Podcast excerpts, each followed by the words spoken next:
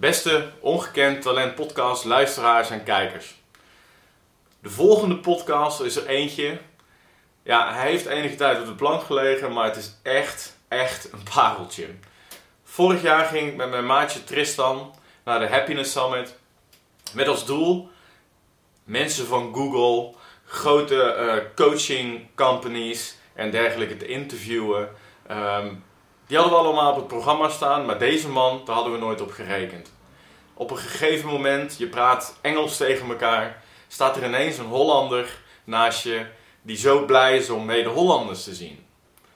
Andres is zeven jaar geleden geëmigreerd naar Amerika omdat zijn geliefde uit Amerika kwam. Deze man is een man die echt zijn dromen waarmaakt. Andres heeft uh, vroeger in de hotellerie gewerkt en uh, behaalde in een korte tijd zijn MBA. Vervolgens ging hij uh, in een um, academisch ziekenhuis werken, waar hij een programma opgezet heeft genaamd Heart met een T of Medicine. Andres is wat mij betreft echt de reden waarom wij de Ongekend Talent podcast gestart zijn. Laat jezelf inspireren door deze man. Andres, hij neemt je mee op reis. En uh, als je goed naar zijn tips luistert, misschien kan dit ook wel jouw reis worden. Geniet ervan. Iedereen heeft talent. Maar hoe kun je dit talent nou optimaal benutten? Wij ontvangen maandelijks inspirerende gasten met een ongekend talent.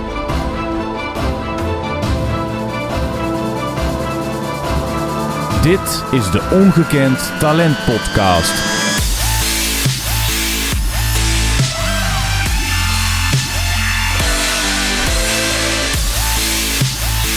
Deze podcast wordt mogelijk gemaakt door Gulliver Trainingen, Link Fotografie, Meerte Koppelaar Identity en Brand Design en Root Media.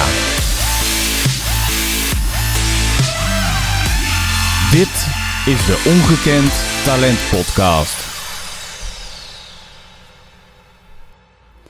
Andres, welkom bij de Ongekend Talent Podcast. En niet zomaar ergens, maar in Miami bij de World Happiness Summit. Uh, we kennen elkaar al heel lang. Ik zal Ja. even kijken, nu toch al 15 minuten. Is dat een record voor jullie podcast? Ja, absoluut. Ja, dit is absoluut een record. Dit is Geweldig. absoluut een record. Maar eh, ja, stel jezelf eens even voor. Met wie hebben we het genoegen en de eer? Ik, eh, een, eer en een genoegen, dat zijn goede woorden. Eh, Ik vind het onwijs gaaf om hier te zijn vandaag. Ik ben Andres Valencia. Ik ehm, woon in Chicago, Illinois. Ik ben Nederlander. Ehm, en ik ben eh, vierde generatie immigrant.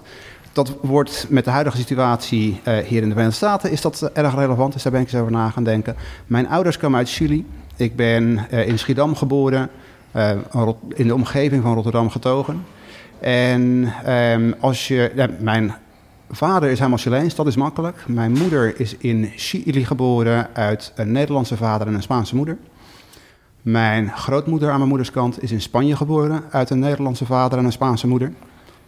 En wanneer je zo internationaal bent als ik, dan ga je op vakantie naar Costa Rica. Dan ontmoet je je Amerikaanse vrouw. En na 2,5 jaar een lange afstandsrelatie gehad te hebben, dan verkoop je je huis, zeg je je baan op bij het Erasmus MC en verhuis je naar Chicago. Zij had jouw ongekend talent direct gezien. Oh, wat een mooie binnenkopper. Ja, helemaal.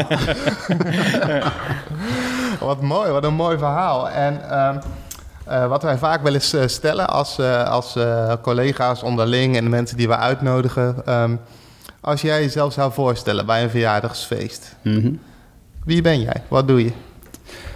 Wie ben ik, heb je denk ik net gehoord. Wat ik doe is, ehm, dat is een mooi verhaal. En dat moet ik dan in het Nederlands gaan uitleggen, terwijl ik het meestal in het Engels zeg als ik op verjaardagsfeestjes kom, de afgelopen 6,5 jaar. Ehm, wat ik doe, ik, werk in een groot academisch ziekenhuis in Chicago, ehm, University of Chicago Medicine. En binnen de Verenigde Staten, je, je, je gaat veel meer informatie krijgen dan dan wat je gevraagd hebt. Maar ik, ik leg het allemaal even toe. Je knipt het er allemaal wel uit. Ehm, of niet. Binnen de Verenigde Staten heb je een ehm, veld dat heet patient experience. Dus het gaat om de ervaring van de patiënten. En de achtergrond daarvan is dat uh, elk ziekenhuis in de Verenigde Staten moet een survey opsturen naar patiënten.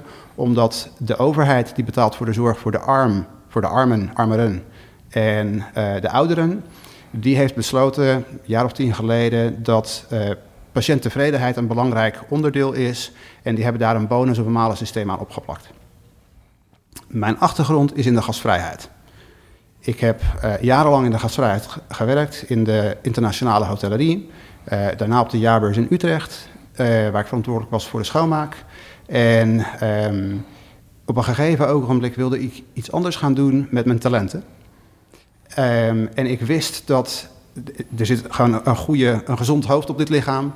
Um, businessachtergrond, ik uh, denk in processen, maar ik wilde daar iets mee gaan doen wat een groter goed diende. En nou zou ik heel graag willen zeggen dat ik daar heel uh, intentioneel mee aan de slag ben gegaan. Maar de waarheid is dat ik een telefoontje kreeg van een headhunter in Rotterdam. Daar woonde ik op dat moment. En die vertelde me dat ze bij het Erasmus MC uh, iemand zochten die verstand had van facilitaire processen, die verstand had van um, mensen. En uh, of ik uh, interesse zou hebben in een baan als accountmanager bij het Erasmus MC binnen de afdeling facilitaire dienst. Waarbij ik um, de liaison zou zijn tussen de afdeling facilitaire dienst of facilitair bedrijf, wat gaat over schoonmaak, over voeding, uh, over beveiliging, over alles wat um, supply chain, volgens mij is daar een goed Nederlands woord voor waar ik nu op, niet op kan komen. Waardeketen. Waardeketen, ja. dankjewel. Ja, gedaan. Ja. um, en daar was ik dus de, de liaison uh, tussen dat en alle afdelingen die die diensten gebruikten. En we moesten uh, stevig bezuinigen. En ik heb daar uh, een rol in gespeeld om in ieder geval de juiste processen aan te pakken of te identificeren die we dus aan konden pakken zonder dat daar te veel pijn was bij de gebruikers. Het is trouwens uh, bevoorradingsketen. Bevoorradingsketen, ja, vind ik ook een mooie. Ja, vind ik ook goed. Ja, ja. logistiek. Ja, nou, logistiek, ja. Maakt helemaal niet uit. Oké, okay, oké, okay, thanks. Ga verder. Um, dus ik um, had dat sollicitatiegesprek. Op dat moment had ik al een vakantie geboekt naar Costa Rica. Het werd duidelijk dat ze met me aan de slag wilden gaan. Dus dat ze uh, me wilden aannemen. Dus heb ik aangegeven van, ik heb een vakantie gepland. Ik ga, uh, als, jullie, als ik al vijf weken bij jullie in dienst ben, ga ik voor drie weken op vakantie. Kunnen we dat uh, zo laten? En dat was oké. Op die vakantie in Costa Rica, waarbij ik met een aantal maten van me heb rondgereden in, in een 4x4. Dus de enige vakantie ooit waarbij ik wat gewicht verloren heb, omdat we zoveel gehiked hebben. De laatste avond dat wij daar waren in San José, um, ik was met een aantal maten en er waren een aantal charmante dames aan de bar. En we hebben met z'n zessen hebben we een aantal kroegen gesloten en een geweldige avond gehad. En een van die drie dames, dat is nu mijn vrouw. Wauw, wat een romantisch verhaal. Ja, ja, zeker. Mijn stem gaat er gewoon van naar beneden. Mooi verhaal zeg, wauw. Ja. ja, gaaf. Cool. En daarmee heb ik volgens mij de helft van jouw vraag beantwoord. Dus en, wat doe ik nu? En hier, ja, en het hier en nu. En, en, en wat, wat doe jij hier als werk? Wat, wat, wat is jouw rol? En mm -hmm. zou je ons kunnen meenemen van toen je hier net aankwam, ja. je bent, hebt het werk opgepakt, tot mm -hmm. aan het moment van eh, wat we eigenlijk nu aan het bespreken zijn, wat jouw ja. functie inhoudt? Ja, um, ik ben aangekomen hier uh, in de Verenigde Staten met, uh, dus al op dat moment uh, om bij mijn vriendin te zijn. Um, als je uitkomt vanuit Nederland um, en je komt naar de Verenigde Staten, dan heb je geen uh, recht om te werken. En dat is lastig. Ik heb vanaf mijn zestiende gewerkt. Uh, vond het verschrikkelijk lastig om geen baan te hebben, om niet te mogen werken. Um, en daar zat uh, nou ja, wat, wat, wat, pijn, om het even zo te zeggen. Ik heb um, besloten om. Ik wist dat ik in de gezondheidszorg wilde, wilde werken. Ik wist dat vanuit mijn achtergrond in de um, gastvrijheidsindustrie. Ik ben ervan overtuigd dat elk ziekenhuis of elke zorgverlener. Um, die heeft een gastvrijheidsstrategie nodig. Daar ben, daar ben, ik echt van overtuigd. Dat, nog steeds zeg ik dat met heel veel passie. Um, hier in de Verenigde Staten heet dat dus patient experience. En dat, ik heb dat net uitgelegd hoe dat allemaal opgebouwd is. Ik ben teruggegaan naar school. Ik heb mijn MBA ben ik gaan, gaan studeren. En als onderdeel van mijn MBA was er één ehm, vak en dat heette Service Design and Patient Experience. Ik heb dat vak gevolgd. Ik was daar erg goed in. In datzelfde jaar dat ik dat vak gevolgd heb, had de professor die, daar, die dat vak gaf, die had anderhalf uur op een conferentie waar, dat, dat hij mocht gaan inrichten. Iets uh, vergelijkbaars als de World Happiness Summit, als waar we nu zitten, maar dan uh, gericht op patient experience. En als je het zou beschrijven, service design voor onze luisteraars, wat, wat, wat houdt dat in? Um, hoe richt je uh, diensten in? Hoe zijn de processen in, zodat je um, de, de klant, hè, dus in dit geval is dat echt de patiënt, het beste van dienst bent. En dan kun je denken aan. Um, ik zal je een voorbeeld geven. In het ziekenhuis waar ik nu werk, werk ik voornamelijk met uh, de afdeling oncologie. Zoals wij onze processen ingericht hebben, als je in, in bepaalde gevallen moet iemand eerst bloed prikken, zodat er een test gedaan kan worden naar bepaalde bloedwaarden. Op het moment dat die bekend zijn, dan kan het medicijn gemaakt worden, oftewel de, de uh, chemokuur kan worden aangepast zodat daar meer, nou ja, wat daar dan in moet gaan, uh, voordat de patiënt überhaupt zijn, zijn chemo kan krijgen. Dat proces kan super efficiënt zijn, maar dan moeten we uh, bloed prikken. Het moet nou, tussen 45 minuten en anderhalf uur moet dat bloed onderzocht worden. Dan kunnen we 45 minuten toe, brengen of, of toepassen om het medicijn te maken. Nou, dan heb je het over twee uur en een kwartier voordat iemand überhaupt zijn chemokuur krijgt. Dan zou je zeggen dat proces is efficiënt, hè, de logistiek die werkt, dat kan waar zijn, maar de patiënt die heeft twee uur en een kwartier helemaal niks te doen. En op dat moment van het leven van een patiënt dat je kanker hebt, dan ben ik ervan overtuigd dat ze die tijd anders kunnen gebruiken. Iedere minuut telt. Iedere ja, minuut eigenlijk. Telt. Ja. Absoluut. Ja. Dus kunnen we dan het uh, service design zo inrichten dat we zeggen, kunnen we het bloed prikken uh, een dag eerder doen? Dus wel binnen 24 uur dat chemo moet toegepast worden, maar uh, een dag eerder. Kunnen we dan misschien ook voorkomen dat de patiënt naar het ziekenhuis komt en kunnen we misschien uh, het bloedprikken laten gebeuren bij hun in de buurt? Of misschien nog beter, kunnen we iemand uh, op pad sturen zodat het bloedprikken gebeurt daar waar de patiënt het wil? Dat is service design in actie, in een manier die, wat mij betreft, heel erg patiëntgericht is. En dat is in de breedste zin van het woord, Andres? Ja. Dus uh, dat kan zijn digitaal, dat kan ook zijn dat je echt daadwerkelijk uh, fysiek op pad gaat en dat je met mensen gaat praten en de processen tegen het licht gaat houden. Dat ja. kan van alles zijn. Ja, wij zijn ervan overtuigd bij University of Chicago Medicine dat als je aanpassingen wil maken, um, dan moet je de gebruiker erbij hebben. En de gebruiker uh, is dan inderdaad in de breedste zin van het woord. Toen ik daar begon, 3,5 jaar geleden, toen hadden we uh, een afdeling die we nog steeds vandaag ook hebben, Operational Excellence. En die gingen dan uitzoeken wat, het beste, wat de beste manier was om uh, processen te verbeteren. Toen ik toen vroeg van, joh, uh, wat vinden onze patiënten hiervan? Toen zeiden ze, dat is een goede vraag, ga dat eens uitzoeken. Ik zei, nou, wat gebeurt er nou als we de patiënten er gewoon bij betrekken? Als we het aan hen vragen, niet vanuit mijn en dat je het in tweede, uit de tweede, hoe noem je dat in het Nederlands? Tweede, tweede hand. Tweede, ja, hand. tweede hand. Ja. ja, tweede hand hoort, maar direct vanuit de patiënt. Vandaag de dag doen we geen verbeterprocessen of veranderprocessen zonder de patiënt erbij betrekken. Wauw, wat mooi zeg. Ja. En is dat nu een soort uh, beleid, een soort visie geworden in het ziekenhuis? Of is dat een so zijn jullie daar revolutionair in? Um, ik weet niet of we daar re revolutionair in zijn. Grote academische ziekenhuizen bewegen zo traag. Ik denk dat er kleinere organisaties zijn die, die daar echt wel een stuk verder in zijn. Is het revolutionair binnen een academisch medisch ziekenhuis? Dat denk ik wel. Uh, in ieder geval binnen ons medisch ziekenhuis, ja. En zijn er ook uh, best practices die je gebruikt? Want je zegt net, ik kom zelf uit... Um, uh, je hebt ja Jaarbeurs Utrecht heb je genoemd. Mm -hmm. restaurantwezen ook. Um, in Amerika zijn er best practices die jullie op dit moment inzetten... waar jullie je aan willen conformeren? Um, dan ga ik ja zeggen, maar dan wil je ook een voorbeeld horen. uh, want, want, die voel ik wel aankomen, ja. Er, er zijn binnen de gezondheidszorg, uh, en ik zeg dat met, met alle respect, maar lopen we op bepaalde gebieden echt 15 jaar achter.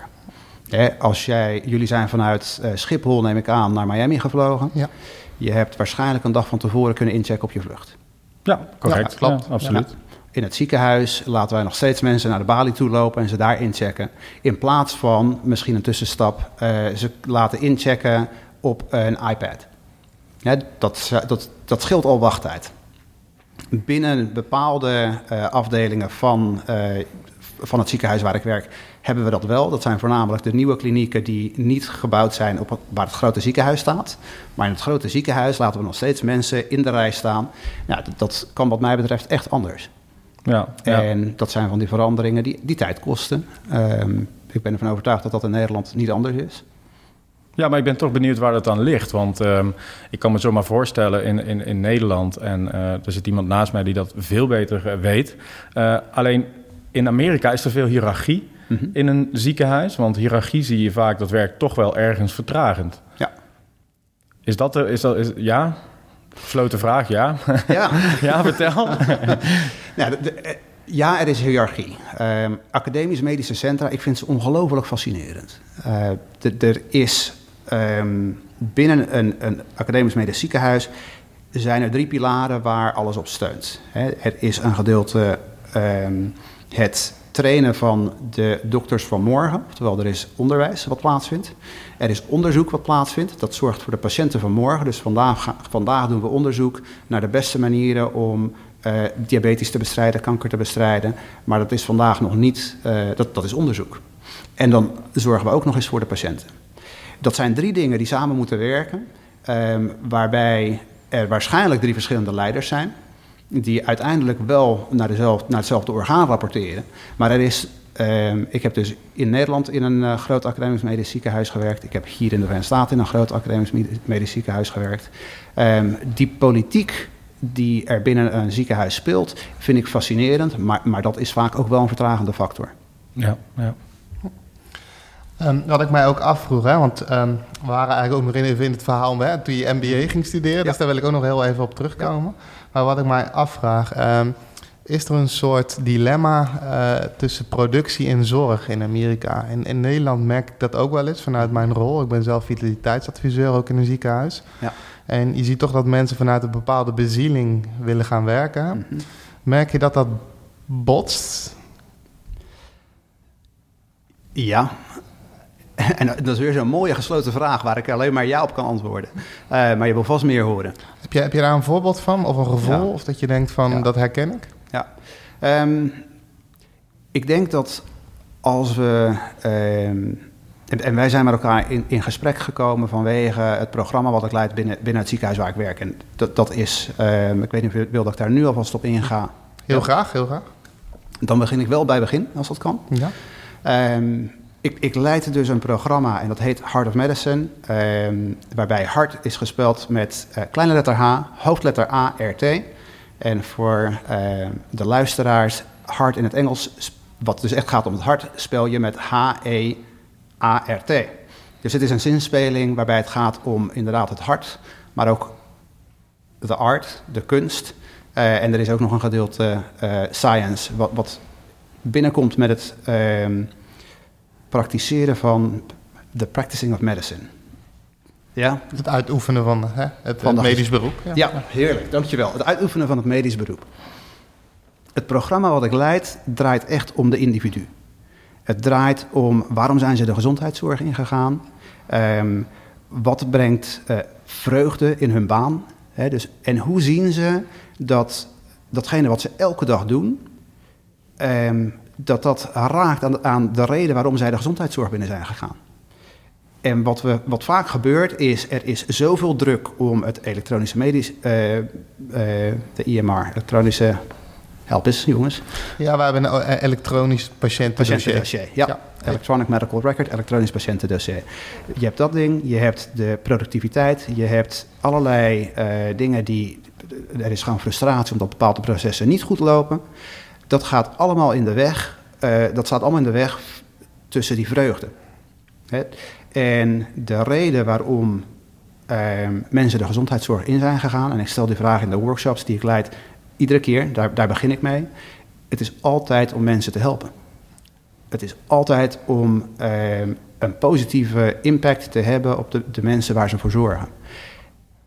En ik ben ervan overtuigd dat iedere zorgverlener die, eh, die luistert naar dit programma, die werkt in ziekenhuizen, die werkt in de, in de klinieken of, of waar dan ook, dat die maken die impact waar ze, waar ze in eerste instantie de gezondheidszorg in voor zijn gegaan.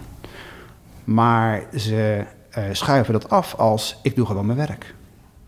Maar wat gebeurt er als we heel intentioneel gaan letten op die dingen uh, die een wereld van verschil maken?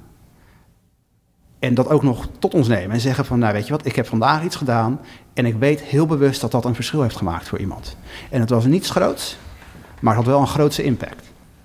Wat gebeurt als we daar gewoon heel bewust op gaan letten? Dat met elkaar bespreekbaar maken. Dus als ik jou iets zie doen wat uh, wellicht kleins, maar met een grootse impact. Uh, wat gebeurt er dan als jij dat... Jij deed gewoon je werk, maar nu breng ik het... Uh, vestig ik jouw aandacht erop. En je denkt van, oh ja, dat heb ik inderdaad gedaan. En je, je voelt je net een beetje beter dan, dan voorheen. Ik zal je een heel klein voorbeeld geven. Wat, um, ik, ik, geef dus deze workshops en twee weken geleden had ik 46 nieuwe of verpleegsters die nieuw waren aangenomen. Verpleegsters, um, medische assistenten, je, je, krijgt het idee. En ik begin dus met de vraag van waarom ben je de gezondheidszorg ingegaan? En er was een verpleegster, uh, ik schat haar op 30 jaar oud, dus niet helemaal een nieuwe verpleegster.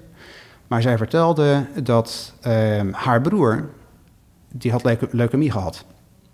En die is daar uiteindelijk aan overleden toen hij 20 was en zij was toen 13 jaar oud. Pff, heftig hoor. Ja. Onwijs heftig. En um, hij was uh, patiënt geweest in het kinderziekenhuis van de organisatie waar ik voor werk. En op dat moment begonnen de, de tranen te, te, biggelen over haar wangen. En ze zegt van nou, de, de meest uh, waardevolle herinnering die ik heb, was toen we alle twee een ijsje kregen. En ik kon een ijsje samen met mijn broer eten, of naar binnen werken. Uh, ze zei niet naar binnen werken, dat zijn mijn woorden. Maar, maar de herinnering dat iemand dus aan haar had gedacht, terwijl zij niet de patiënt was die heeft zoveel indruk op haar gemaakt dat zij vandaag een on uh, oncological nurse. Uh, oncologieverpleegkundige. Dankjewel, ja. oncologieverpleegkundige is. En dat is de reden dat zij bij University of Chicago wil gaan werken. Dat ze zich dus echt betrokken voelde en echt dat moment met haar broer mocht delen. Ja, en ik kan me dan voorstellen dat zij niet alleen voor de patiënt gaat zorgen, maar dat zij ongelooflijk veel aandacht heeft voor de mensen om de patiënt heen. En ik geloof dat zij een aanwinst is voor de organisatie. Of ze nou voor ons werkt of voor welke andere organisatie. Maar dat bewustzijn, want zij had het nog nooit zo gezien. Maar dat bewustzijn dat zij dus inderdaad aandacht heeft voor al die andere mensen om haar heen, omdat zij als, als klein meisje ook een ijsje kreeg, dat, dat is ongelooflijk waardevol. Die waarde dat zij weet wat het effect met je doet, ja. dat, dat kan je niet leren. Dan moet je dan echt ervaren op zeg maar moment ja. en delen. En door, die, door het te delen ja. worden eigenlijk medemensen ervarings... Ja, deskundiger, zou ik het eigenlijk bijna willen uitdrukken. Ja.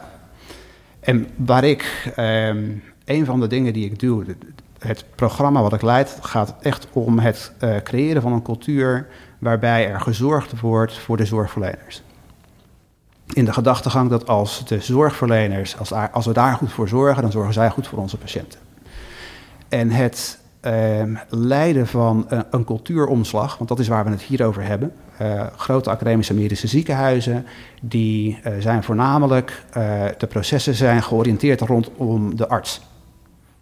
Daar is University of Chicago Medicine geen uitzondering in.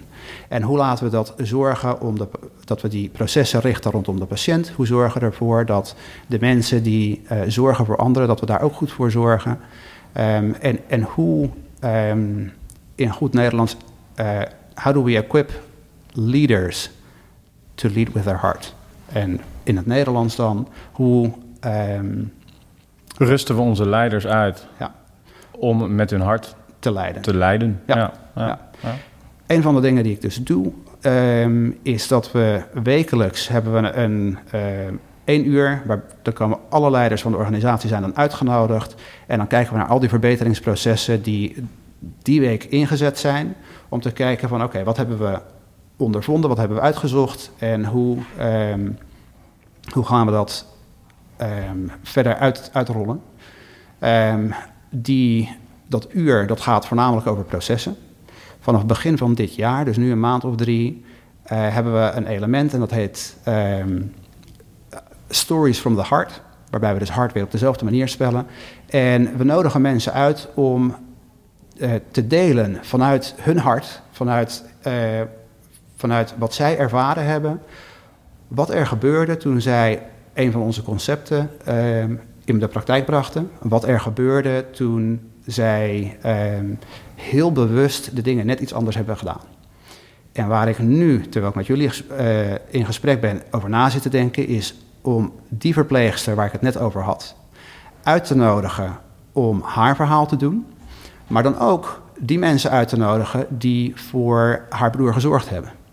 Zodat, je de, uh, zodat zij hen kan bedanken. En uh, dat gebeurt zeg maar, op microniveau. Ik geloof dat dat echt een wereld van verschil gaat maken. Het geeft ook op, op macroniveau, of in ieder geval mesoniveau, geeft dat aan. Dit is hoe we voor mensen zorgen binnen deze organisatie. En Mooi. Wauw, wat een verhaal. Ik ben er wel even stil van. Ja, ja, ja. Mag ik een vraag stellen? Ja, of, graag. Had je al, nee, stel een vraag. Nou ja, wat je zelf al aangeeft, um, um, het cirkeltje is dan rond, want mensen kunnen zich ermee identificeren. Ja. Hè? Mm-hmm. En ik zie ook dat het, dat, dat het uit jouw tenen komt. Klopt dat? Dat klopt. Ja. Want ik zie echt, ik zie echt iemand met passie praten. Uh, die zelfs ook, dat is misschien een aanname, lichtelijk daar geëmotioneerd van raakt van zijn eigen handelen. Mag ik vragen waar dat vandaan komt? Um,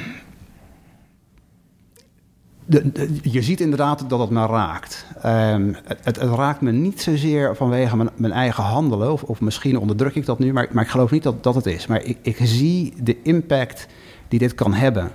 Um, en, en, als ik dan dat, dat, dat zo voor me zie, en ja, dat, dan raak ik daar inderdaad geëmotioneerd door.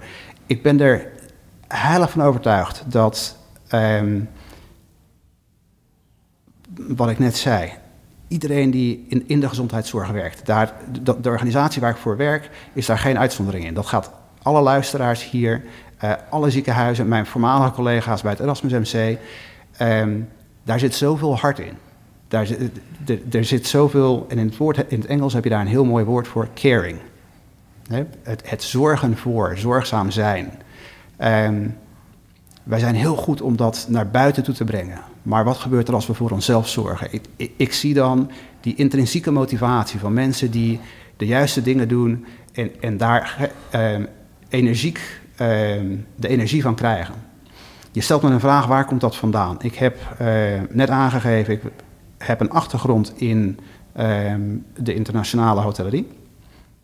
Ik heb gewerkt bij het Ritz-Carlton in Barcelona. En die organisatie heeft um, heel bewust gekozen voor uh, een strength-based approach in hoe zij leiden. Dus um, ze, ze, richten zich op sterktes. Um, ik, ik, ga een aantal verhalen vertellen die uh, jullie mogen beslissen wat je daarmee gaat doen. Maar toen ik daar werkte, toen Um, een van de dingen die me verteld werden is: je bent uitgezocht op de sterktes, die je hebt. En wij verwachten dat je dus om die redenen heel goed binnen deze organisatie past. Dus mijn vraag automatisch, en ik geloof dat iedereen diezelfde vraag stelt, is: oké, waar ben ik dan niet zo goed in? Want ik heb vandaag geleerd op die uh, World Happiness Summit waar we nu zijn, dat onze hersenen die zijn daarop getraind om ervoor te zorgen dat, dat datgene wat, waar we niet zo goed in zijn of wat negatief is, dat heeft voorrang, want wellicht zit daar een gevaar in. Goed, dus ik heb gevraagd wat zijn niet mijn sterktes, oftewel wat zijn mijn zwaktes. En het antwoord was, dat gaan we je niet vertellen. Dat gaan we je vandaag niet vertellen, maar dat gaan we je ook niet vertellen als we afscheid van je nemen of wanneer je hier weggaat. Want wij, onze filosofie is dat als we jouw sterktes uh, sterk genoeg maken, dan maken je zwaktes niet uit. En dat geloven we tot in onze tenen. Dus je, wij zullen je nooit vertellen waar je niet zo goed in bent. Vergis je niet, gesprekken die um, moeten gaan over wat gebeurt er als het niet zo goed gaat, die vinden daar ook plaats. Daar gaat het niet om. Het is niet het, uh, het um, bedekken met de mantel der liefde van die dingen die niet zo goed lopen. Dat, daar gaat het niet om. Maar het gaat erom dat je die sterktes naar buiten brengt en versterkt. En ik zal je een, een ander verhaal vertellen. Ik geloof dat jij een vraag had. Nee, ik ben Nee. aandachtig aan het Oké, luisteren. helder. Ehm, ik ben begonnen bij het Ritz-Carlton in Barcelona de dag na 9-11. Oftewel toen de, eh, eh, de torens in New York eh, naar beneden kwamen vanwege terroristische aanslagen. Ehm, en twee weken daarna, toen kreeg ik een telefoontje van het Ritz-Carlton... dat ze alle stagiaires gingen ontslaan, want ze, de bezettingsgraad ging naar beneden van bijna 100% naar 30%. En ik was feitelijk mijn baan kwijt. Ik heb toen alle eh vijfsterren hotels in Barcelona opgebeld om te vragen of, ze, eh, of ik bij ze aan de slag kon. En ik was eh, dan wel niet welkom, dan wel welkom om gratis te gaan werken. En dat zat er voor mij op dat moment niet in. Op mijn laatste werkdag binnen het Ritz-Carlton kreeg ik een telefoontje van ehm, HR, van Human Resources, personeelszaken. Ja, Geweldig. helemaal goed. En ehm, ze vertelde me dat ik één kans had. Ik kon de eh, administratief assistent worden van de executive chef. Ehm, en ik had een interview als ik daar interesse in had. En als ik geen interesse had, dan moest ik dus inderdaad, eh, dan kon ik daar niet meer niet blijven. Dus ik heb eh, Geen druk verder. geen druk, nee. dus ik had de volgende dag een sollicitatiegesprek en ik ontmoet een man. En die man die stelt me de eerste vraag van, ehm, wat, waarom wil je voor mij werken? Ik zei, nou, ik, ik zal heel eerlijk zijn. Voor mij is het deze functie of ik ga terug naar Nederland. Waarop hij met mijn ogen aankijkt. Hij zegt, dan ga ik ook heel eerlijk zijn met jou. Voor mij ben jij het, of ik heb geen adminis- eh, administratieve assistent de komende, ehm, de komende zes maanden. Dus je bent aangenomen.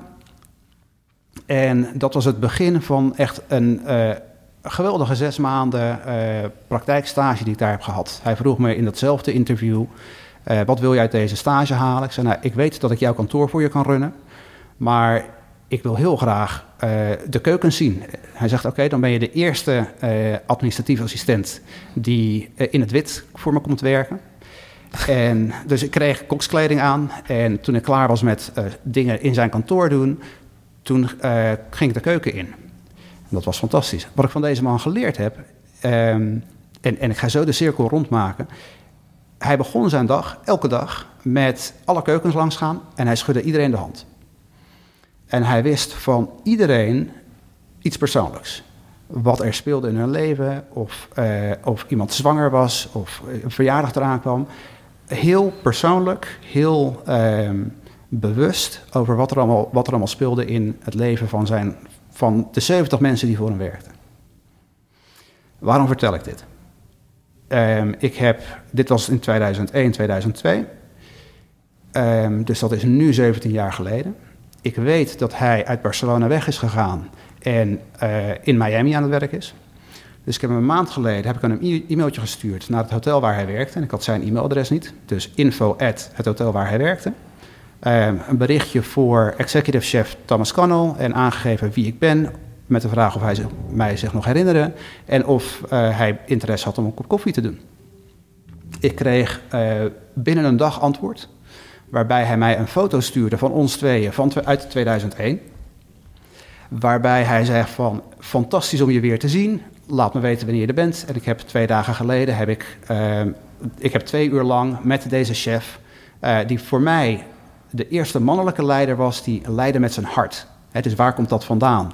Ik heb dat voorbeeld gezien over wat er, eh, hoe iemand eh, kan leiden met zijn hart. Hoe een man kan leiden met zijn hart. Hè, dit zijn dingen die we normaal gesproken aan vrouwen toedichten. Ehm, en hij is nu verantwoordelijk voor een megahotel, waarbij hij leiding geeft aan 300 koks. eh, 150 man in de stewarding, dus dat zijn de, de vaatwassers. En met alle afdelingen ehm, waar, in de bediening, dat is 12 1200 man waar hij verantwoordelijk voor is. En we zijn een aantal keer op en neer gelopen en hij kent iedereen bij naam. Wauw. Ja. Dus dat geef ik ook, dat, dat, dat eh, vertelde ik hem. Ik zeg, het valt me op dat je iedereen bij naam kent. Hij zegt, nou, niet iedereen, want ik ben verantwoordelijk voor 1200 man. Maar hij pakt zijn telefoon en hij zegt, eerder deze week heb ik iemand ontmoet. En eh, zijn naam was Nimanja.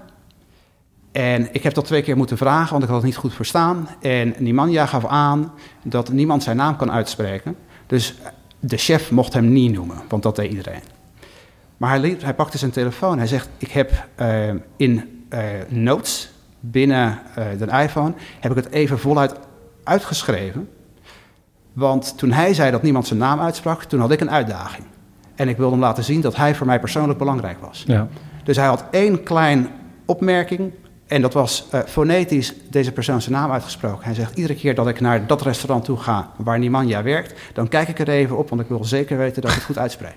Ja, wat goed zeg. Ah, heel mooi, hè? Ja. Ja, ja, daar zouden heel veel mensen een voorbeeld aan moeten nemen. Ik ook overigens. Ik, ik, ik ben zo verschrikkelijk slecht in namen. En ik schaam me soms zo diep. Omdat ik wel echt, echt graag connectie maak met mensen. En het is zo belangrijk. Want Ja. iemand zijn naam is eigenlijk iets heel bijzonders. Dat is, dat is van jou. En, Onderdeel van je identiteit. ja, precies. Ja, ja. Mooi zeg. Mooi verhaal. ja.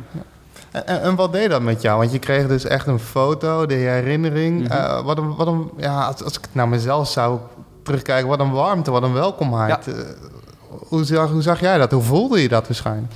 Ehm, welkomheid. Ik had- was van plan, of ik dacht dat ik daar eh, nou ja, misschien een half uur een kop koffie met de chef zou gaan drinken. Dat is dus twee uur geweest, waarin we het eh, over alles gehad hebben. Eh, over hoe ik in de Verenigde Staten terecht ben gekomen. Over eh, hoe ik vanuit, de gezondheids, of van- vanuit de hospitality de gezondheidszorg in ben gegaan. Hoe het met zijn kinderen is, hoe het met zijn vrouw is. Ehm, over, ehm, ik geloof dat een goed Nederlands woord raakbaar leiderschap is. Ehm, daar hebben we het over gehad. Dus ik heb echt twee uur lang met, met die man aan tafel gezeten. En, en dat was fantastisch. En wat het voor mij gedaan heeft, ik- ben me nu zoveel meer bewust wat een eh, rolmodel hij voor mij gespeeld heeft. Ik was 22 of 23 jaar oud toen ik met hem voor het eerst gewerkt heb. Ehm, ja, want ik word dit jaar 40, dus dat, dat klopt. En ik ken ook iedereen binnen mijn organisatie. En dat heb ik gezien in actie van, van hem. Dus dat, ehm, en ik heb gezien hoe je daar succesvol mee kan zijn, want hij is dat. Dus als we het over inspirerend leiderschap zouden hebben, Ja.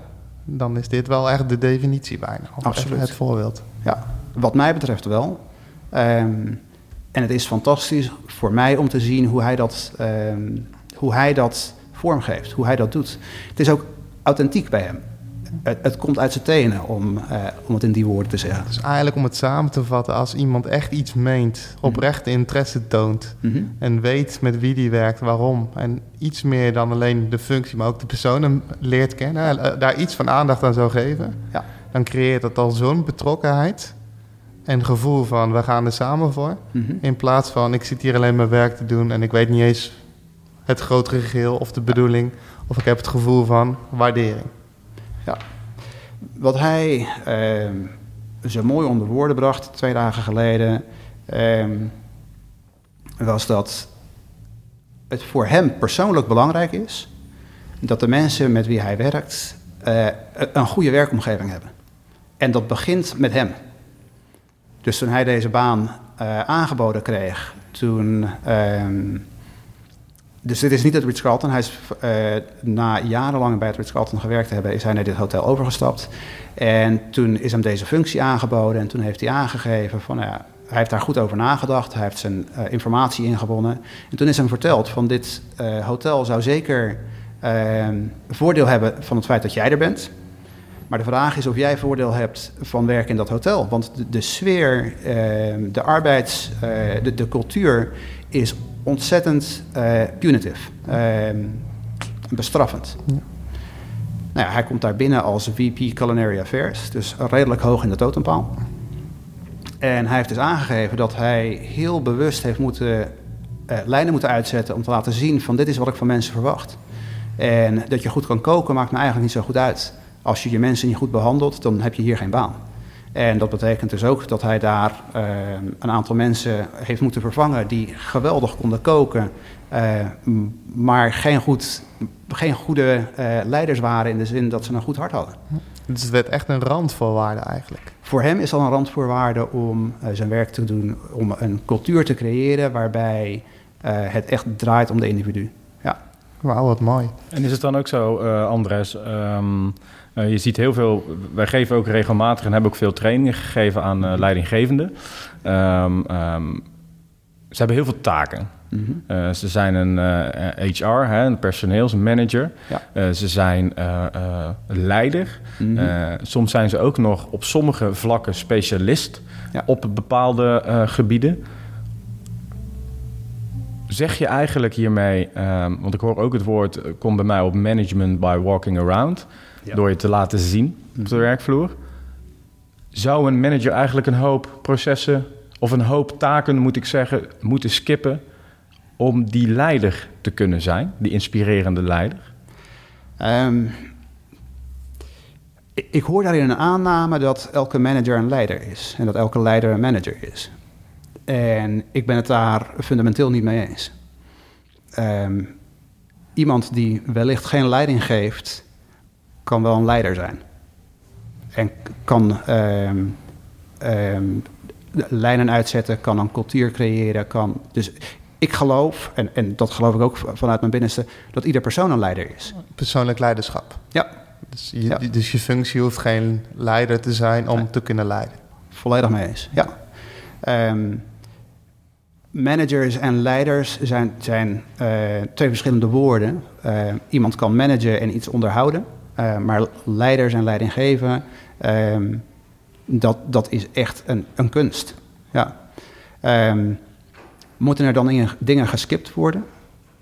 Die vraag die, die kan de individu in die rol het beste zelf beantwoorden. Dat, ik, ik kan daar geen advies over geven of iets dergelijks, want dat gaat echt over eh, wat is voor die individu op dat moment het meest belangrijke. Wat ik wel kan zeggen is, en, en dat heeft te maken meer met mijn, ehm, met mijn voorkeur, met mijn waardes. Ik weet dat als ik een connectie heb met de mensen met wie ik werk, en dat ik daar regelmatig inderdaad in contact mee ben, eh, en weet wat er speelt en weet waar ze tegenaan lopen, weet wat de struikelblokken zijn, eh, maar ook weet hoe hun weekend geweest is, dan maakt dat heel, heel egoïstisch mijn dag een stuk eh, fijner. Hè, als, als ik weet wat er speelt, dat niet eh, met het proces, maar met het individu, dan heb ik een goede dag. En even advocaat van de duivel. Ehm, ik werk zelf ook in een ziekenhuis. Ja. Ik eh, geef zelf ook trainingen, ontwerptrainingen. En daar wil ik de vitaliteit van de medewerkers mee verhogen. Waardoor ook uiteindelijk voor de patiënt. Eh, maar een kritische vraag blijft altijd: hoe weet je dat het werkt? Hm. Hoe is het meetbaar? Ehm, da- dan ga ik even terug naar ehm, de workshops en het programma wat ik leid binnen eh, University of Chicago. Ik werk dus in een academisch medisch ziekenhuis. En in een academisch medisch, medisch ziekenhuis draait alles om data. Alles draait om, eh, nou, bewijs maar dat, je, eh, dat het werkt, inderdaad. Dus er zijn een aantal dingen die we doen. Ehm, wij beginnen met ehm, het begin van, van de workshop, wat dus eh, een, heel, een hele serie is van workshop, workshops, ehm, beginnen we de allereerste met een pre-workshop survey. Waarin we dingen meten als eh, de tevredenheid met betrekking tot de, de, niet zozeer de werkomgeving, maar er staat een vraag in die dus heel persoonlijk is. En de gesprekken die ik voer zijn over het algemeen positief. Dus het gaat niet zozeer om de afdeling. En is de cirkel dan rond met jouw opleiding, hè, waar we het even over hadden gehad, met je Mhm. MBA, dat je dat dus de invoert? Ehm, nou ja, de, workshops die ik geef, ik, ik weet niet zozeer of, ik, of dan de cirkel dan rond is met datgene wat, wat ik doe, maar de workshops die ik geef, die draaien wel echt om de individu. En, eh, hoe zorgen we ervoor dat we, een, ehm, dat we mensen ehm, bewust laten zijn over wat, wat het is dat, dat zij heel goed doen, zodat ze ervoor kunnen kiezen om dat meer te doen. Ja, dat is gelijk ook antwoord op de vraag die ik voorheen stelde. Ehm, door op die manier te beginnen bij de persoon, bij de individu zelf. Schenk vooral nog wat water in voor jezelf, hè? Mhm. voel je vrij. Dankjewel. Ehm, dat is ook gelijk antwoord op de vraag die ik net stelde over het, over het verhaal manager. Eh, leider. Jij zei, ehm, eh, ik weet niet wat zij moeten skippen. Dat is voor iedereen, voor ieder individu, is dat anders. Maar door eerst naar jezelf te kijken, door naar je eigen veerkracht te kijken, wat jou in balans brengt, Ja. ben je in staat om de juiste dingen, de juiste prioriteit te stellen en de juiste dingen te skippen die niet ehm, eh, bijdragen aan wat jij voor die persoon wil betekenen. Ja. Dus ik denk dat dat antwoord is ook op de vraag. Ja. Ik, ik, kan me daar, ik kan me daarin vinden.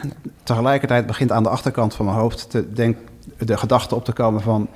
waarom overladen we de mensen met zoveel taken en zoveel dingen... dat, dat er dingen geskipt moeten worden? Ehm, ik heb daar geen antwoord op. Het is meer een filosofische vraag op dit moment. Ehm, de werkdruk is hoog. Hè, en, en, dat merken we ook. Dus dat, dat is in Nederland volgens mij zo, dat is hier in de Verenigde Staten ook zo. Ik kan zeker bevestigen dat in de Nederlandse gezondheidszorg de werkdruk op dit moment uh, als hoog ervaren uh, wordt mm -hmm. en ook wel erkend wordt als uit ja. diverse onderzoeken. Ja. ja. Ja. Ik heb gelijk, uh, ja, we, natuurlijk World Happiness uh, Summit. Ja, nou, ja. Heel, heel even een tussenvraag, want waar ik nog wel heel erg benieuwd naar was, want ik skipte jou op een gegeven moment met die resultaten. Maar ik, Ja, weet, ja. eigenlijk, Ja, maar ik heel weet, goed, maar ik weet nog steeds niet hoe Oh, ze ja. mee Nee. Heel goed, heel goed. Ja. Er zijn ehm, een aantal dingen die we doen. We hebben pre- en post surveys. Dus dat, dat is eh, data die wij ehm, als onderdeel van onze workshops, daar, daar stellen we vragen over. Dan mag je je afvragen van hoe valide zijn die resultaten. Want ik sta ernaast als... eh, eh, ik kijk ze niet over de schouder mee, maar ik sta er wel in dezelfde kamer als ze die ehm, surveys pre- en post invullen. Ehm, ik heb eerder aangegeven dat er in de Verenigde Staten worden heel veel patiënttevredenheidsonderzoeken eh, of surveys de deur uit gedaan. Dus we kijken naar die data. En dat wordt eh, naar patiënten gestuurd door een extern bedrijf. Ik heb daar nul invloed op. De hele organisatie heeft daar nul invloed op. Op het moment dat we daar een positieve trend in zien, dan ehm, kun je nog steeds zeggen van heeft het dan te maken met jouw programma of een combinatie van. Dan ben ik de eerste die aangeeft dat heeft te maken met een combinatie van. Maar het feit dat we een positieve trend zien in patiënttevredenheid en voornamelijk in de elementen van communicatie. Ik heb nog niet het hele programma uitgelegd, maar we, fo we, we focussen ons ook op communicatie. Ehm, dat zegt mij dat, er, ehm, dat datgene wat we doen invloed heeft. Als we dan ook kijken naar ehm, staff engagement. Nee, Ja, bevlogenheid, engagement. Ja. Oké, Ja. bevlogenheid. Dat meten wij dus ook als groot academisch medisch ziekenhuis zijn. Wij meten alles. Ehm, en op het moment dat we daar een ehm, significante ehm, stijging in zien, maar niet alleen in, in, in het cijfer, maar ook dat de leidinggevenden van die afdeling, afdelingen ons vertellen van joh, het programma wat je leidt, dit, dit strength-based approach en ehm, de manier waarop we onze, medewerkers, onze artsen, onze, eh, al onze collega's nu met elkaar omgaan, is anders dan voordat je dat programma bij ons deed. En we, ehm, we merken dat de verschillende ehm, muren die er ontstond, die, er die bestonden voor het programma, maar wel binnen dezelfde afdeling, dat die nu aan het afbrokkelen zijn. We merken dat er makkelijker contact gezocht wordt tussen eh, deze en gene. We merken dat er eh, meer gesprekken voeren over wat is eh, belangrijk voor. wa- waarom, waarom ben je de gezondheidszorg ingekomen?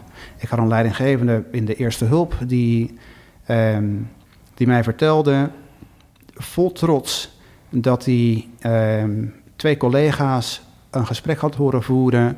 Iemand die eh, redelijk zagrijnig was. En iemand anders sprak hem daarop aan. Die zei van, joh, waarom ben je vanochtend eh, je bed uitgekomen?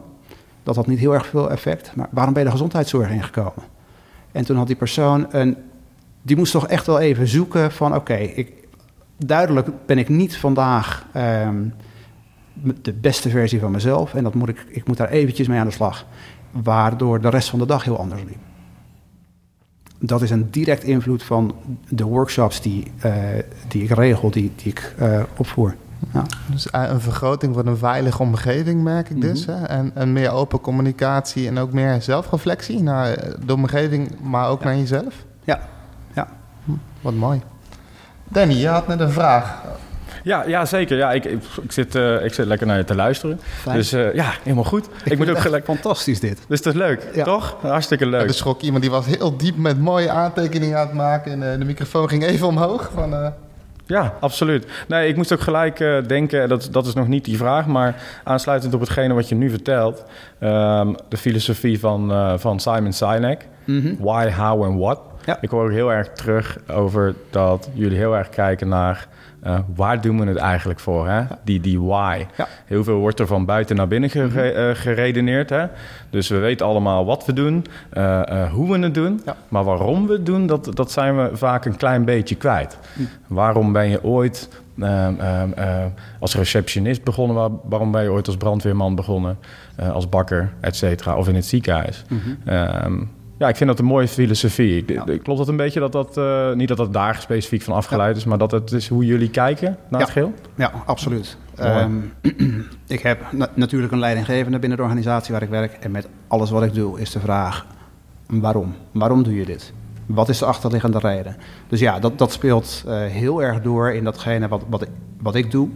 Ehm, ik ben zelf ook een groot fan van Simon Sinek. Ehm, dus ja, dat, Daar komt het wel uiteindelijk ehm, op terug. Als je, en, en misschien is dat ook een antwoord op de vraag die je eerder stelde. Wat kan er geschipt worden? De vraag, als je goed kijkt naar waarom doen we wat we doen? Hè, wat is dan op dit moment het meest belangrijke? Als we, als we die eh, prioriteiten hebben die met elkaar in conflict staan, kunnen we dan teruggaan naar het waarom en vanuit daar beslissingen nemen over wat er nu prioriteit heeft. Ja, ja. En ik denk niet alleen in het werkende leven. eh, ik denk dat dit een vraag is die mensen die struggelen eh, met moeilijkheden in hun leven. Ehm, ik denk dat dat een vraag is die we onszelf altijd moeten stellen. Of als goede vriend of partner. Ehm, ook aan, eh, als, als confronterend zouden moeten stellen aan onze vriend of partner. Ja. Van waarom doe je dat dan? Mhm. En, en, en daar ook op doorvragen. Dus eh, hey, eh, een bruggetje naar happiness. Ja. Die wilde ik net al maken, maar heel terecht dat Tristan even de vraag stelde nog. Ja, wat, wat, wat, dit is de tweede dag, hè? het einde van de tweede dag al. Ja. Eh, dus we zijn al op, de, op, op twee derde van, van, van de summit. Wat neem jij hier mee? Wat, wat, wat, wat heeft jou geïnspireerd? Wie heeft jou geïnspireerd? Hmm. Ik heb een, eh, een boek vol met aantekeningen voor me liggen. Ehm, wie mij geïnspireerd heeft, is ehm, de eerste spreker van vanochtend van het VIA ehm, Instituut. VIA staat voor Virtues in Action. En hij eh, vertelde dus over hoe ehm, we allemaal bepaalde krachten en sterktes in ons hebben, die in bepaalde mate bij ons aanwezig zijn. Ik werk met het VIA Assessment en dat heb ik gedaan omdat de persoon die het programma geschreven heeft daarmee begonnen was. Dus ik heb dat aangenomen van, nou ja, zo doen we de dingen. Het waarom erachter wist ik dus zelf niet. Maar deze man vandaag horen spreken over alle wetenschap die erin is gegaan en de manier waarop zij te werk zijn gegaan om eh, dit valide te laten zijn, was voor mij heel erg ehm, helder en eh validating. Ehm, bevestigend dat, dat we het, het juiste gebruiken. Ehm, wie heeft mij nog meer geïnspireerd? Ik ga gewoon even bladeren. Door, Gewoon doen, gewoon doen.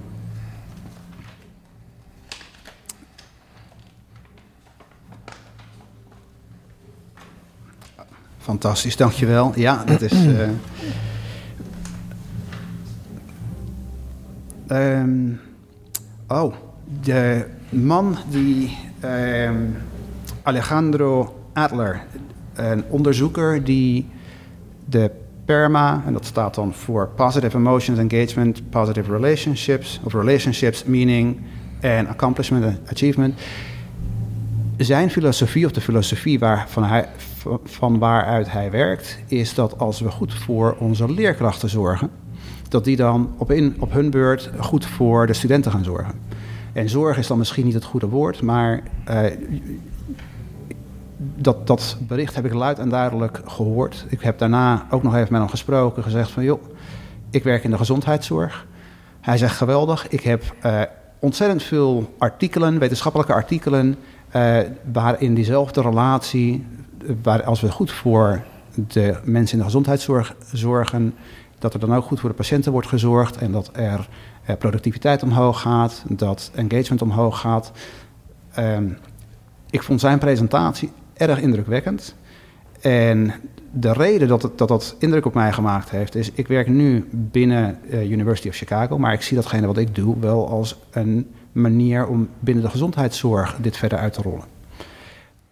Daar is data voor nodig, daar is onderzoek voor, voor nodig. Dus ehm, de manier waarop hij ehm, op een landelijk niveau in Peru, in Chili, in ik weet niet welke andere landen hij heeft aangegeven, ehm, dit onderzoek heeft uitgerold, was voor mij eh, een eye-opener van nou, op, op dat niveau kunnen we wellicht eh, dit ook uitrollen. Nou, wat ik zeker ga doen, Andres, is dat ik jou dan over een paar maanden of over een half jaar eens even ga mailen van hoe ver staan jullie in het ziekenhuis. En dat we eens gaan kijken of we daar kunnen uitwisselen. Ja. Maar wat ik wel aan jou zeker ook zelf wil vragen, Mhm. wat maakt jou happy? Ah, eh, verbinding. Mensen, connecties. Ehm, ik ben heel erg eh, goed in het ehm, gesprekken aangaan over wat is belangrijk voor iemand. Wat, wat maakt iemand anders happy? Ehm, wat zijn, dus die verbinding, die gesprekken op een manier waarop ik vandaag nu in de spotlight sta bij jullie als gast. Ben ik normaal gesproken degene die de spotlight eh, uitrolt. Ehm, op een iets andere manier, want ik doe dat in een, in een iets intiemere setting. eh, dan met, ik weet niet hoeveel eh, miljoenen luisteraars jullie hebben. Na, na, na de- na deze podcast minstens twee. Oké, Miljoen. helder. Maar verbinding, connectie, dat is datgene waar ik happy van word. Eh, op een fysiologisch niveau, ik ben echt een foodie, dus daar kan ik ook gelukkig van worden. Ehm, Een, een foodie? een foodie, ja. Wauw, wat is een foodie? Een foodie is eh, iemand die ontzettend van eten kan genieten. Dus mijn achtergrond in de hospitality, eh, ik heb daar erg veel ehm, geluk mee gehad dat ik een aantal bijzondere dingen heb mogen proeven. Maar soms ook is het eh, een simpel warm brood wat net uit de oven komt. Dat, daar kan ik ook erg gelukkig met een beetje boter erop. Kan ik ook gelukkig van worden. Is, is Bourgondiër, is dat hetzelfde? Alleen Ja, ik denk dat dat heel goed in de buurt komt. wel, hè? Ja, ja mooi. En eh, Andres, om de brug te slaan van happy naar talent. Want het is de ongekend talent Mm. podcast. Ja. Ik denk dat ik jouw talent al een beetje hoorde uit jouw happiness. Maar hoe zou je jouw talent beschrijven? Ehm, als klein jochie was ik erg goed in, ehm, in het coördineren. Dus ik heb een broer die een paar jaar jonger is en een zus die een paar jaar ouder is. En dan moesten we de tafel dekken. En dan zei ik, prima, ik, ik coördineer dat wel. Dus ik heb eh, mijn broertje die negen jaar jonger is, eh, echt ontzettend goed tafel leren dekken. Ehm, en, en daar komt uit het dingen voor elkaar krijgen zonder dat ik dat zelf doe. Ehm, mijn talent is het, het ehm, dingen voor elkaar krijgen.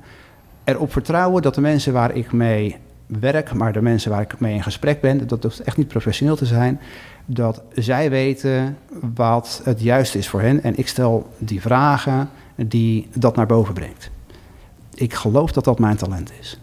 Dat is super mooi beschreven. En toen al in de hospitality. Ja. Hè?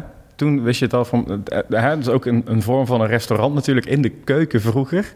Hè? Toen eh, eh, deed je eigenlijk al een klein beetje wat je later bent gaan doen. Toen, toen zat het er al in, hè? Ja. Een, soort, een soort natuurlijk fenomeen. Ja, ik denk dat dat, dat wel ergens eh, vanuit heel jong. Ik, ik word dit jaar 40. Ik ben net eh, afgestudeerd als coach. Ehm, ik geloof dat jullie Luke geïnterviewd hebben. Dus ik ben in zijn eh, eh, opleidingsschool ben ik eh, afgestudeerd. En maar inderdaad, het, het vertrouwen dat mensen van binnen hunzelf weten wat goed voor hen, wat de juiste beslissing is. Dat, ehm, ik geloof dat ik dat inderdaad altijd wel gehad heb. Mooi. En eh, Andres, deze vraag stellen we eigenlijk zo'n beetje aan het eind van elke podcast. Mhm. Eh, we zijn 40, 50, 60 jaar verder. Ja. Je bent een eh, oudere man. Mhm. Eh, je zit op je balkon, kijkt naar de ondergaande zon Aha. en denkt bij jezelf van... Dit heb ik allemaal voor elkaar gekregen of zo zouden mensen mij moeten herinneren. Mm. Als ik dat nu aan jou vraag, hoe zou die herinneringen dan uitzien? Of het gedachtegoed? Dan hoe mensen mij zouden herinneren. ehm, als iemand met wie ze een goed gesprek gehad hebben. Die ze ehm, bewust heeft gemaakt van hun talenten, hun krachten, eh, hun sterktes. En dat ze na dat gesprek ehm, een stap dichterbij ehm, hun ehm, bij zelfvoldoening zijn gekomen. En als mensen mij zo kunnen herinneren, en als er een hele hoop mensen mij zo kunnen herinneren, dan heb ik denk ik een heel waardevol leven gehad. Nou, ik herinner je in ieder geval zo niet. Alleen al door deze woorden. en, en de laatste vraag. Uh, zijn er nog punten of uh, elementen die jij zelf aan onze luisteraar mee zou willen geven vanuit jouw verhaal? Um, of vanuit de happiness waar we nu zijn? God, dat, is, dat is een gewetensvraag. Uh, um, wat ik mensen mee wil geven. Ik, ik denk dat het, het, belangrijkste wat ik gehoord heb in, in de Happiness Summit, uh, ook dat, datgene waar ik de afgelopen jaren mee bezig ben, is um, luister diep naar jezelf, binnenin jezelf. Want daar zit, dat, dat is uiteindelijk waar het allemaal om draait. We hebben uh, allemaal social media en telefoons en weet ik veel wat. Er zijn, is heel veel impulsen die op ons afkomen, die ons vertellen wat er goed is. Wat, hoe we ons zouden moeten kleden en, en weet ik veel wat voor uh, druk er nog meer komt. Um, maar als we heel diep naar onszelf luisteren, dan zit daar binnenin uh, zit datgene wat voor jou echt waardevol is. En ik denk dat dat datgene is wat, wat ik heb meegenomen vanuit de, de Happiness Summit. Uh, en hoe ik in ieder geval mijn leven verder zal leven.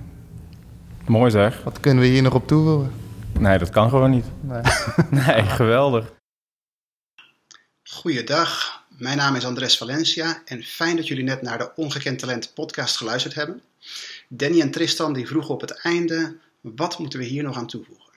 En er is eigenlijk één ding wat ik uh, graag wilde toevoegen. Jullie hebben gehoord hoe ik gedurende de podcast of, en het opnemen daarvan het idee kreeg om één specifieke verpleegster haar verhaal te laten vertellen, uitnodigen om haar verhaal te doen, uh, waarom zij de verpleging in is gegaan.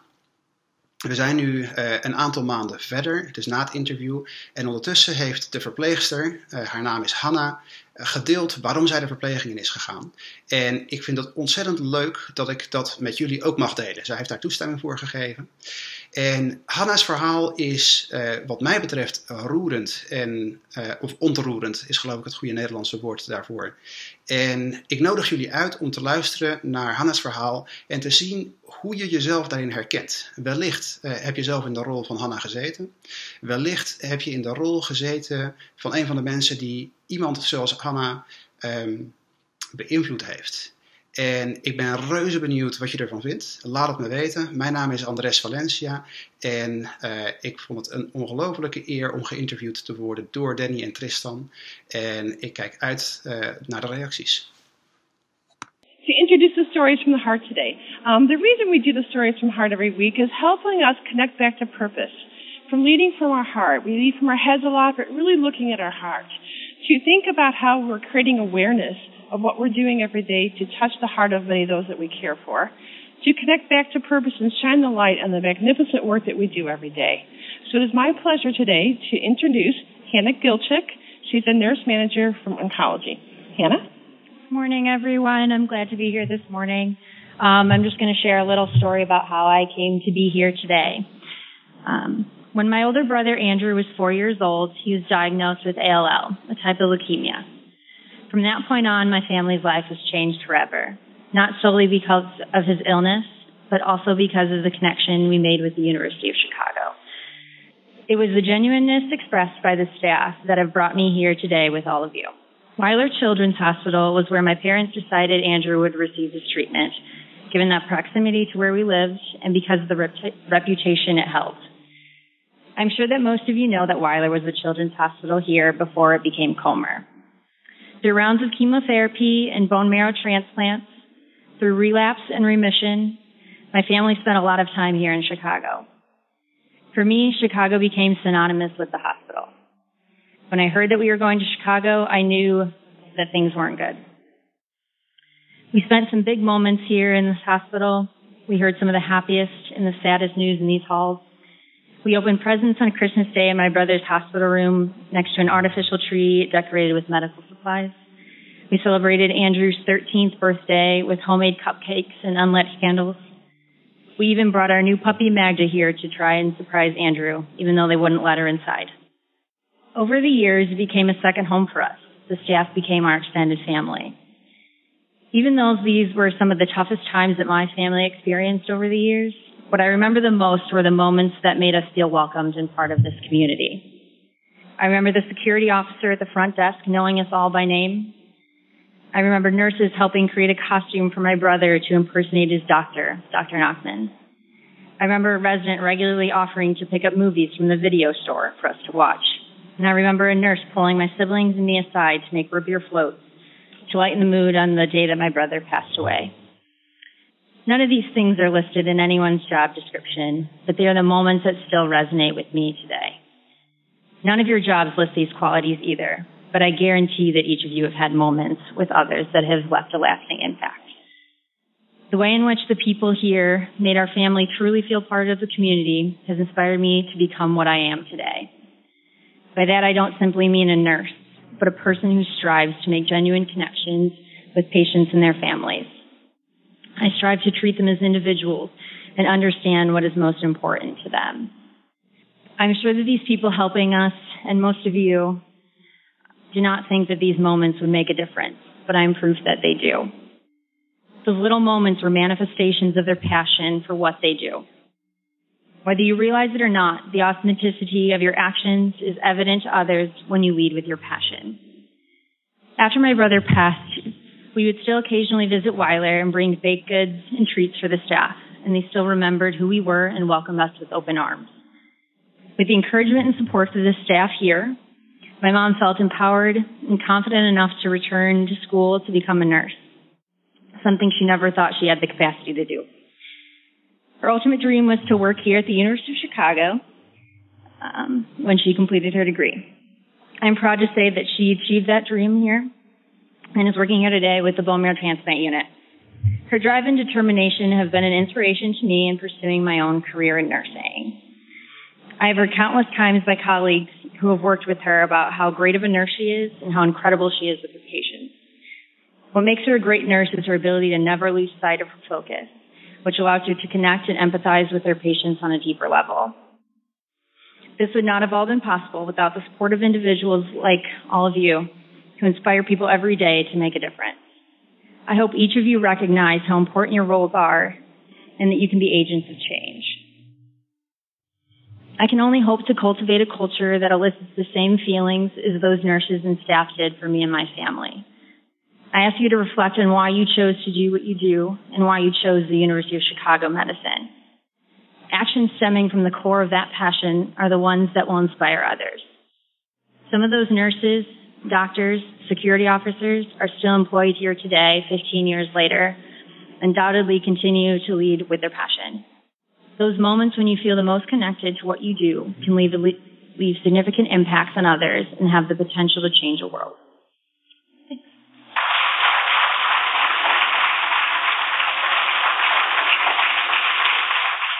Obviously, Hannah, you changed our world today. Thank you for being brave, kind, compassionate, and sharing your story because all of us change the world every day. Thank you from my heart. Thank you from all of us. Great job, Hannah.